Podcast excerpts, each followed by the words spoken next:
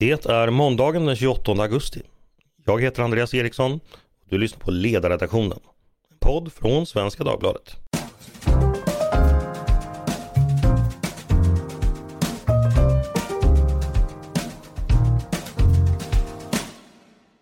Varmt välkomna!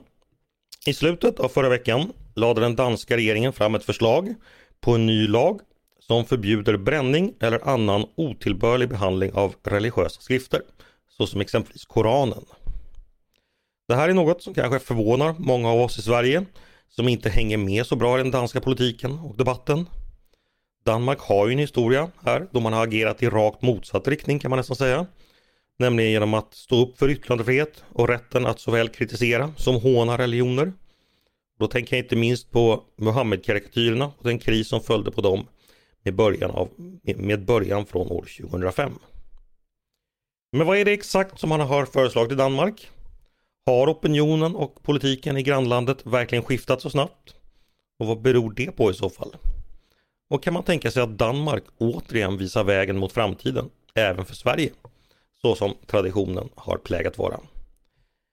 Det tänkte jag vi skulle prata om idag. Och med mig för att uppdatera mig och er lyssnare på det här ämnet har jag Susanna Birgersson, frilansskribent, just nu vikarierande ledarskribent på Expressens ledarsida och mycket Danmarkskunnig och Danmarkserfaren. Välkommen hit Susanna!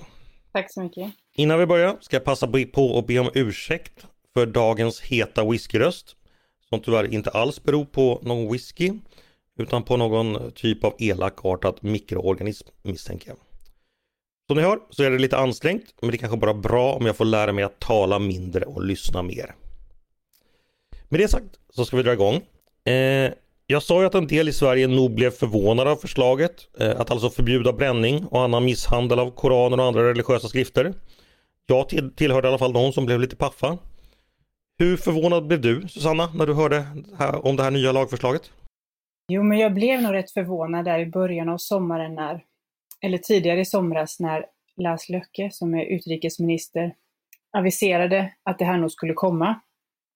Eh, det som förvånade mig tror jag var att han så oförblommerat erkände att det handlar om att gå vissa länder till mötes. Eh, de här eh, som vi har kommit att kalla IKO-länderna, de här muslimska länderna, deras företrädares eh, krav om att koranbränningarna skulle stoppas. Det fanns, fanns ingenting hos eh, Lars Löcke som försökte dölja att det var precis det det handlar om. Eh, det var inte...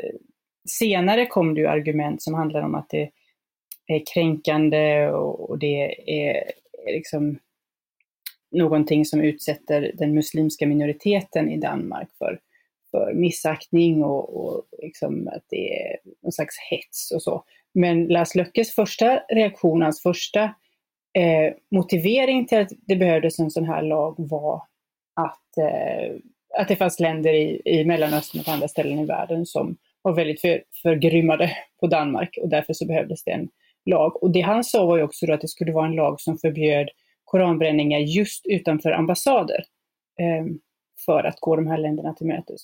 Och det var en, eh, eh ja, en ärlighet som, som förvånade mig, måste jag säga. Men det kan också ha att göra med att jag inte riktigt har eh, tagit till mig den utveckling som har skett i Danmark de senaste åren. Eh, och, och vad den faktiskt innebär för det politiska klimatet. Och då tänker jag på pandemin, pandemihanteringen och hur liksom det offentliga samtalet då kom att bli väldigt liksom kris och handlingskraftsfokuserat. Eh, och oppositionen i, slöt upp i ganska hög utsträckning eh, och stöttade regeringen. Mette Fredriksen var, ja hon gjorde ganska långtgående saker, inte minst så lät hon ju avliva alla minkar och Ja, just det. Ja. Och eh,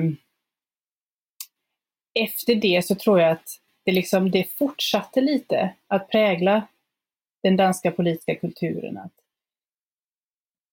det är kriser, vår tid eh, karaktäriseras, karaktäriseras av kriser. Det var pandemin Sen kom Ukraina. Så har vi klimatet. Och så har vi Kina. Eh, och den här mittenregeringen som vi har nu, eller som de har nu, eh, den är ju också bildad just på det här krisnarrativet.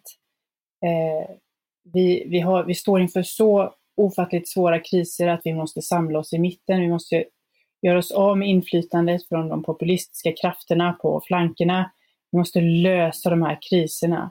Jag tror att det är det som är bakgrunden till att man så, så eh, som jag uppfattar det, lättvindigt liksom kan, kan åsidosätta det här som vi har tänkt som ett så rakryggat stöd för yttrandefriheten. Och så. Det är andra tider nu, det är andra kamper.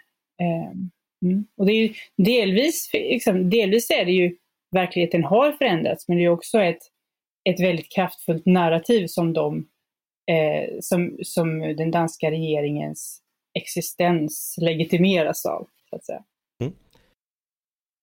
Det där låter ju vansinnigt intressant. Vi ska bara påminna lyssnarna då om att eh, Danmark styrs ju sedan förra året när man hade val av en koalitionsregering då där Mette Fredriksen är statsminister och eh, den som har lagt fram det här förslaget han heter Peter Hummelgaard och han är justitieminister och de är ju socialdemokrater.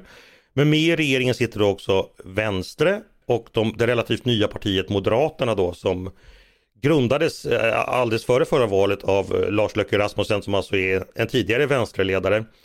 Eh, vad jag funderar på, eh, Venstre Vänstre som då var det partiet som, styrde Danmark under Mohammed-krisen då med, med Anders Fogh Rasmussen var ju den som då verkligen stod upp för yttrandefriheten den gången. Vad har skett i Vänstre under den här tiden? Är, är, det, är det en utveckling i miniatyr som du beskriver har skett i hela Danmark? Att man helt enkelt säger att det är andra tider och problemen nu tvingar fram en om, om, om, omorientering eller vad finns det att säga om det? Det var väl så att den regeringen som då bildades 2001 med Anders Fogh Rasmussen, hela den regeringens agenda var ju kulturkrig. Verdikamp, som man säger i Danmark. Man skulle eh, man tog makten från Socialdemokraterna och inte för att egentligen göra om välfärdsstaten eller införa fantastiska skattelättnader, utan det var ju just på liksom, eh, värderingsområdet som man skulle bedriva borgerlig politik. Man skulle få folk att ändra värderingar och man skulle få dem att bli mer nationella och mer stolt, stolt danska. Eh, man skulle återupprätta det danska kulturarvet. Man skulle eh, eh, ja, helt enkelt föra politiken på kulturens och, och värderingarnas område. Så när Mohammedkrisen kom så var den ju förvisso jobbig och kostade mycket och, och, eh, och så, men den låg ju helt i linje med det som var den regeringens hela livsluft. Och det är ju en enorm skillnad då mot hur det är nu. Och just nu så, vänster, jag kan inte liksom hela, jag har inte hela bilden av deras inre liv och utveckling. Men vänster styrs ju idag av Jakob Ellemann Jensen som fram tills nyligen var eh, utbränd, men nu är han tillbaka. Han har velat lite fram och tillbaka om vad han ska vara för slags minister. Eh, nu, nu, ska han vara ekonomiminister istället för försvarsminister.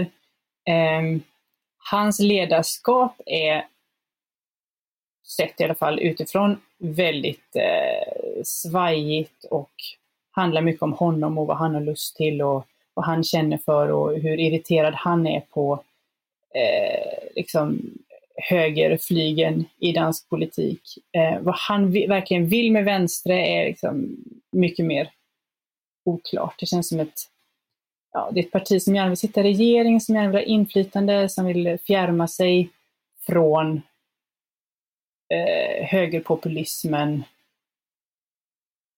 S eh, men som också har svårt att hävda sig gentemot liberala allianser som har en mer liksom, tydlig liberal-konservativ profil. Och det är ett, ett parti med, med, med, svåra identitetsproblem skulle jag säga. Och som också har gått väldigt, väldigt dåligt i val och ligger väldigt dåligt i, i opinionsmätningar just nu. Vad tycker de andra partierna i Folketinget, det vill säga oppositionen som inte ingår i regeringen, om det här förslaget? Har de hunnit uttala sig någonting? Oh ja. Hela, hela högerflygen som ju faktiskt består av fem partier, fem partier till höger om vänster, varav tre är, är högerradikala eller nationalpopulistiska eller hur man nu vill beskriva det. Ehm, de är ju starkt kritiska. De två partierna som står till vänster om Socialdemokraterna, bland annat Socialistisk Folkeparti som är, är Folketingets andra största parti, också kritiska. Enhetslistan, också kritiska. Det är bara det lilla, lilla, lilla mittenpartiet Radikale Venstre som nog har bytt fot och nog är okej okay med det här lagförslaget. Det exakta förslaget för den nya lagen, eh, det lyder så här, får ni ursäkta min danska men jag ska citera. Den det offentlig eller med förse till oberese i en virkrets går så skolig till obehörig behandling av ett genstand. Genstand betyder alltså föremål. Med väsentlig religiös betydning för ett trossamfund eller genstand det främsta som är sådan straffas med böter eller fängsel intill två år. Det är då alltså inte bara bränning det handlar om, det är, det är otillbörlig behandling och man har sagt att det handlar om att man ska man, man får inte klippa eller skära eller på något sätt, sätt eh, förstöra. Eh, det här för, för, man får inte trampa på det heller eller sparka på det eller något sånt där. Eh, vad, vad, vad, tänker du om det Susanna? Alltså att det dels omfattar ganska många föremål från ganska många religioner och att det är en rad olika praktiker det här tar sikte på. Eh, vad tänker du om det? Hur, hur har det uppfattats? Är, är det här så att säga, är det, eh, går man längre än vad man tidigare aviserat under sommaren eh, eller är det här ungefär vad, vad man kan förvänta sig i omfattning? Alltså det, det, är ju en, en slags hädelselag eh, och det, det är ju mer vittgående vad, än vad man hade talat om. Eh, och det här att man inte skulle få förstöra på andra sätt och att det skulle innefatta fler föremål, det har ju heller inte eh, diskuterats. Så, det är ju, var ju lite förvånande. Å andra sidan kan man säga att ska man göra en sån här lag så måste man ju infoga andra religioners heliga eh, eh föremål och, och, böcker. Annars blir det ju mycket märkligt i en liberal demokrati. Eh, mm. Men eh, jag tycker det är anmärkningsvärt vad justitieministern, den socialdemokratiska justitieministern svarade på frågan vad han ville säga till den här iranska eh, konstnären som strimlade Koranen utanför Irans ambassad. Han fick då frågan, vad, vad säger du till henne? Då säger han, jag skulle vilja uppmuntra henne att skapa något, skriva något, måla något, hugga något i sten, göra lite musik vad vet jag, istället för att förstöra saker. Det är liksom en ganska... Mm, det är inte så här, han beklagar inte att vissa yttranden nu tyvärr har gjorts eh, omöjliga för att de vill få stopp på någonting, utan det är liksom en ganska nonchalant hållning till en eh, iransk dissident. Eh, så här, Nej, du får hitta på något annat. Mm. Mm. Ja, man kan ju också tänka sig exempelvis eh, inom konsten händer det ibland att man förstör saker och det finns ju exempel på eh, ja, tavlor som varit självförstörande och så vidare. Eh, då säger den då att gör annan konst helt enkelt än den som eventuellt skulle innebära att man förstör någonting. Mm. Eh, mm. Det, det, reagerar jag också på. Så däremot är det ju så att eh, en fråga jag hade det var ju om det här gällde även religiösa symboler som exempelvis slöjor. Men då finns det ju så här, då hittade jag ett, från justitieministern att man, det här kommer inte omfatta beklädningsgenstater, även om det kan tilläggas av religiös betydning. Alltså att Nej. slöjor kommer inte, har jag förstått rätt då? Det tror jag också. Jag tror att det handlar mm. om eh, biblar, torarullar, koraner, krucifix, vissa liksom eh, judiska, jag vet inte, en menora kanske, eller, eller sådana där saker som man har på dörrposterna, jag kommer inte ihåg vad de heter. Eh, ja, men inte, inte kläder har de ju sagt att det inte ska vara. Vet vi någonting om vad danska folket och vad danska väljare tycker om det här? Har man hunnit göra någon opinionsmätning eller eh, någonting kring detta? Inte vad jag har sett. Eh, men jag tror, om man liksom bara försöker känna av stämningen här och där och frågar, frågar runt lite, så är ju folk trötta på det här. Det är ju något som har pågått under hela sommaren, handlat om kanske upp mot hundra, hundra olika tillfällen då Koranen har bränts inte, det är liksom inte, jag tror att det är många som är trötta på det. Jag tror att det liksom väldigt principiella försvaret för yttrandefrihet är kanske inte så utbrett. Men sen kan man ju också se att opinionssiffrorna för regeringspartierna är inte så bra. Eh, de liksom ligger på, precis sådär 40 procent. Eh, om det är ett uttryck för, för en, en åsikt i den här frågan, det vet jag inte. Eh, ja. Har det kommit några reaktioner från, eh, jag tänker exempelvis på en, uh, tidningar, journalistförbund, författarorganisationer, ja, Publicistklubben motsvarande, alla, alla de organisationer som så att säga arbetar med att vaka över det fria ordet. Uh, har, har de reagerat? Jag tror att de, de allra flesta, jag har inte jättekoll på det här, men de flesta ledarskribenter, eh, de flesta liksom, kulturredaktörer eh, Eh, och sådana som ju då också ofta är engagerade i de här organisationerna som du nämner, är kritiska. Mycket kritiska faktiskt. Mm. Du och jag vi pratade kort om det här på, på Twitter i helgen och då ska jag citera vad du skrev då. Det är en variant av vad du precis sa här men Kulturkriget är slut, den nya mittenregeringen förklarades nödvändig för att utan populister till höger och vänster lösa en massa kriser, klimat, arbetskraftsutbud, Ukraina och Kina. Den har inte tid, råd eller lust att få hela den muslimska världen emot sig igen, denna viktigare saker att tänka på. Det får, får en lite undra att det vi tidigare uppfattade som ett väldigt principiellt tydligt försvar för yttrandefriheten i samband med Muhammed-karikatyrerna var det liksom en slags eh, vackert väderhållning, alltså någonting man kunde kosta på sig i andra och bättre tider. Men nu när det blåser lite så då betyder de där principerna inte särskilt mycket. Eller hur ska man förstå det?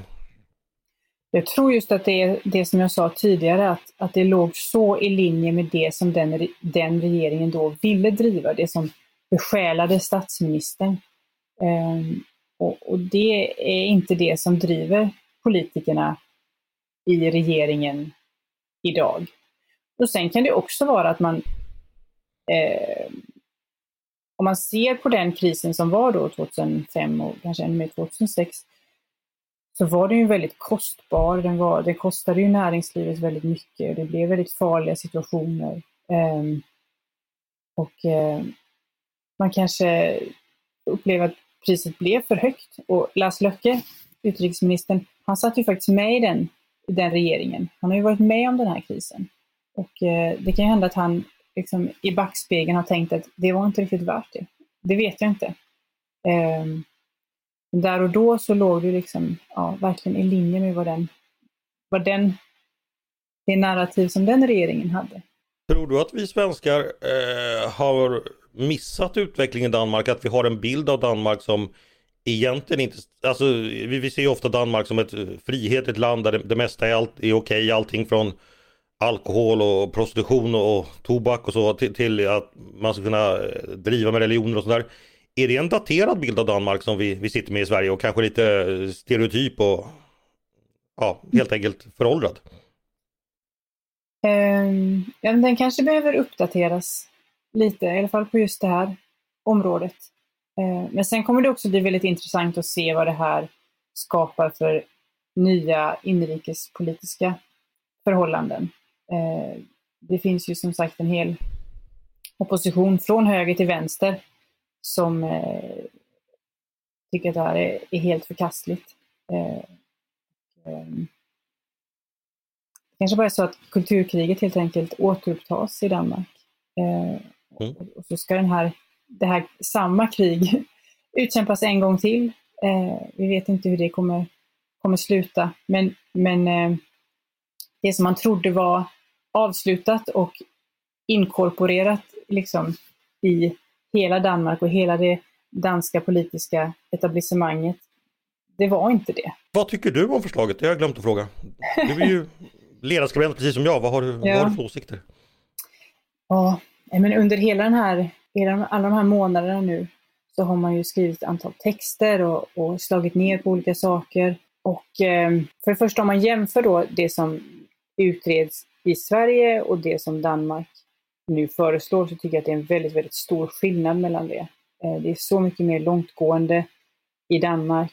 Det som man liksom förbereder i Sverige är kanske en form av beredskap inför ett kraftigt försämrat ännu mer försämrat säkerhetsläge. Eller, eh, och, och jag upplever också att man i de direktiven har uteslutit den största problematiken liksom, kring, kring begränsningar av yttrandefriheten. Så jag, jag ser det som en jättestor skillnad mellan det som det som man talar om i, i, Sverige och det som man nu tänker införa i Danmark. Men sen tycker jag att alltså, kontexten är ju, kontexten är att islamistiska diktaturer kräver detta, eller något, av Danmark och av Sverige. Att göra det som en direkt reaktion, det som Danmark gör nu som en direkt reaktion på kraven från islamistiska diktaturer, det, det, det kan man det kan jag inte annat än beklaga.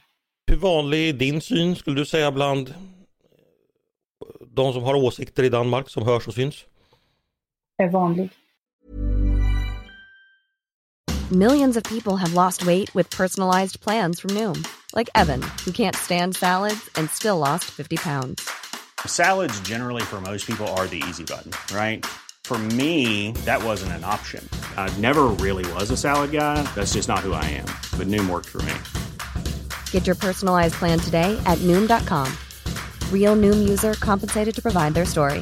In four weeks, the typical Noom user can expect to lose one to two pounds per week. Individual results may vary.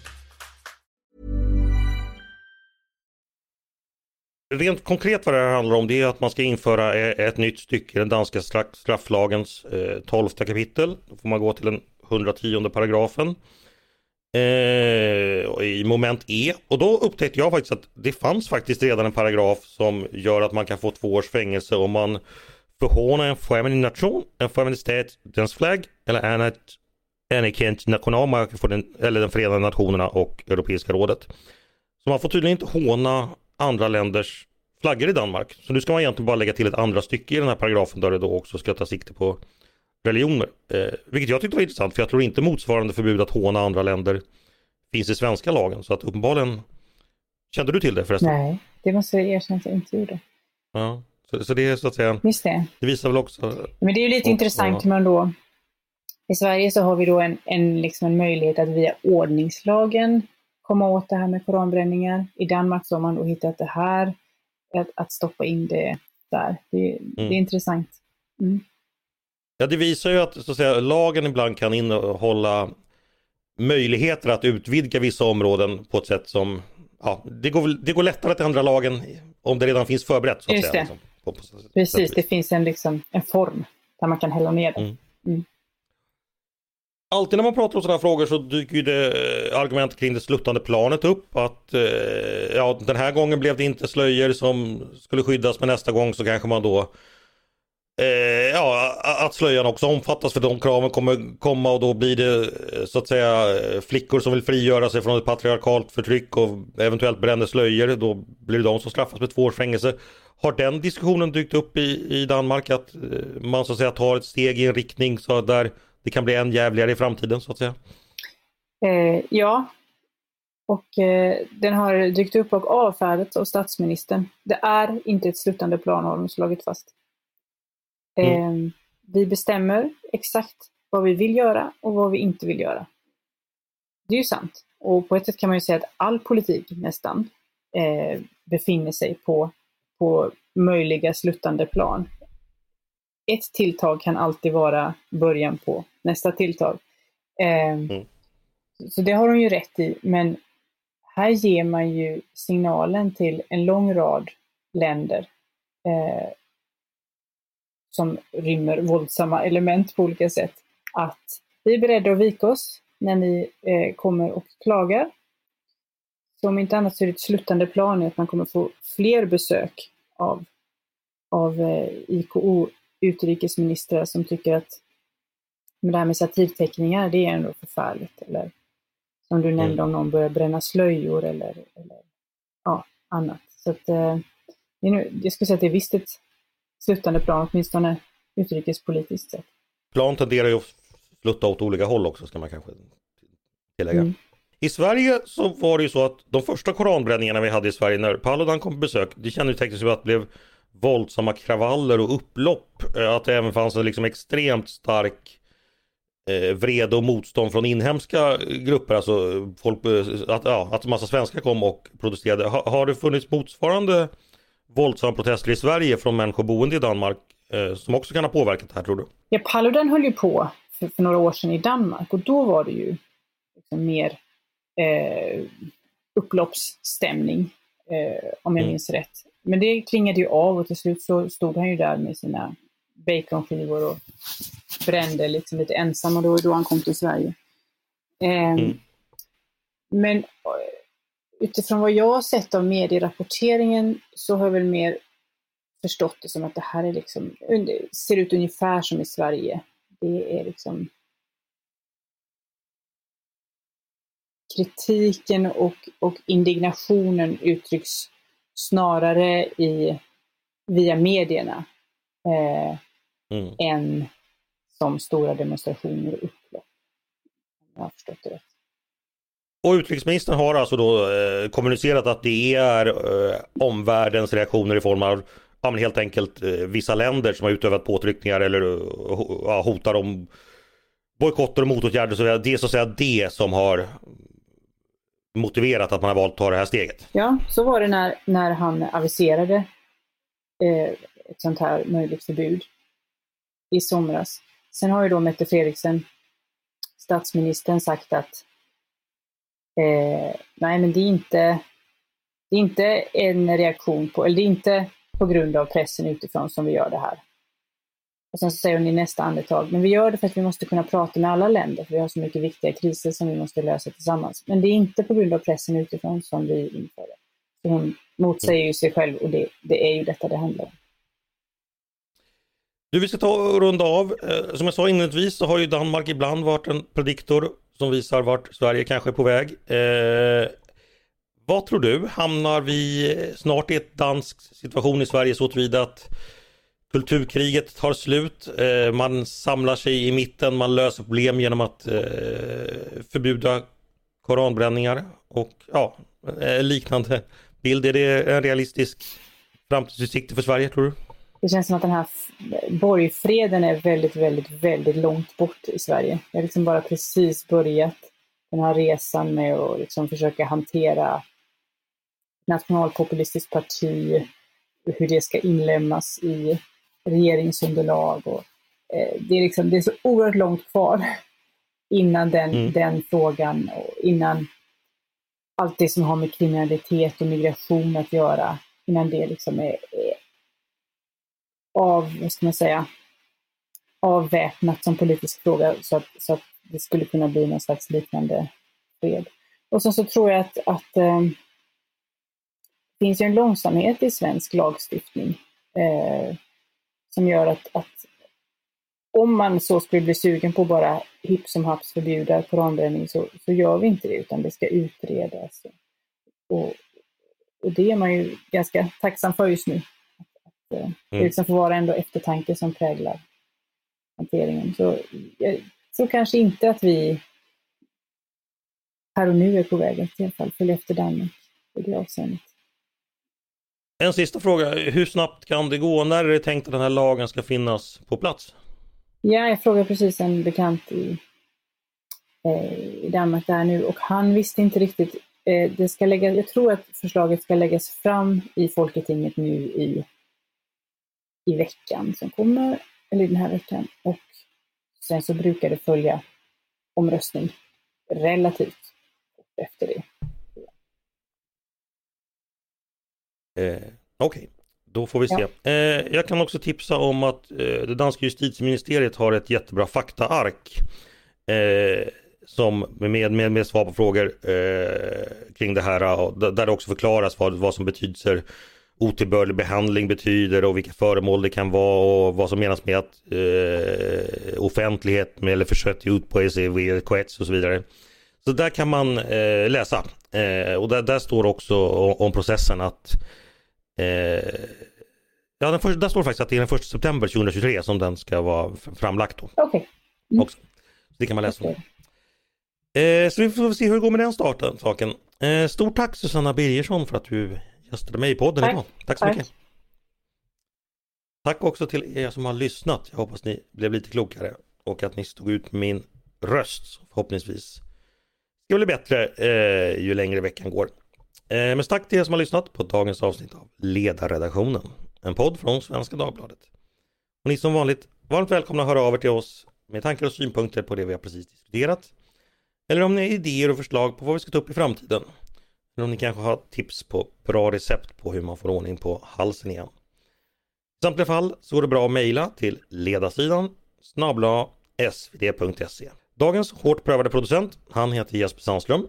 Själv heter jag Andreas Eriksson och jag hoppas att vi hörs igen snart.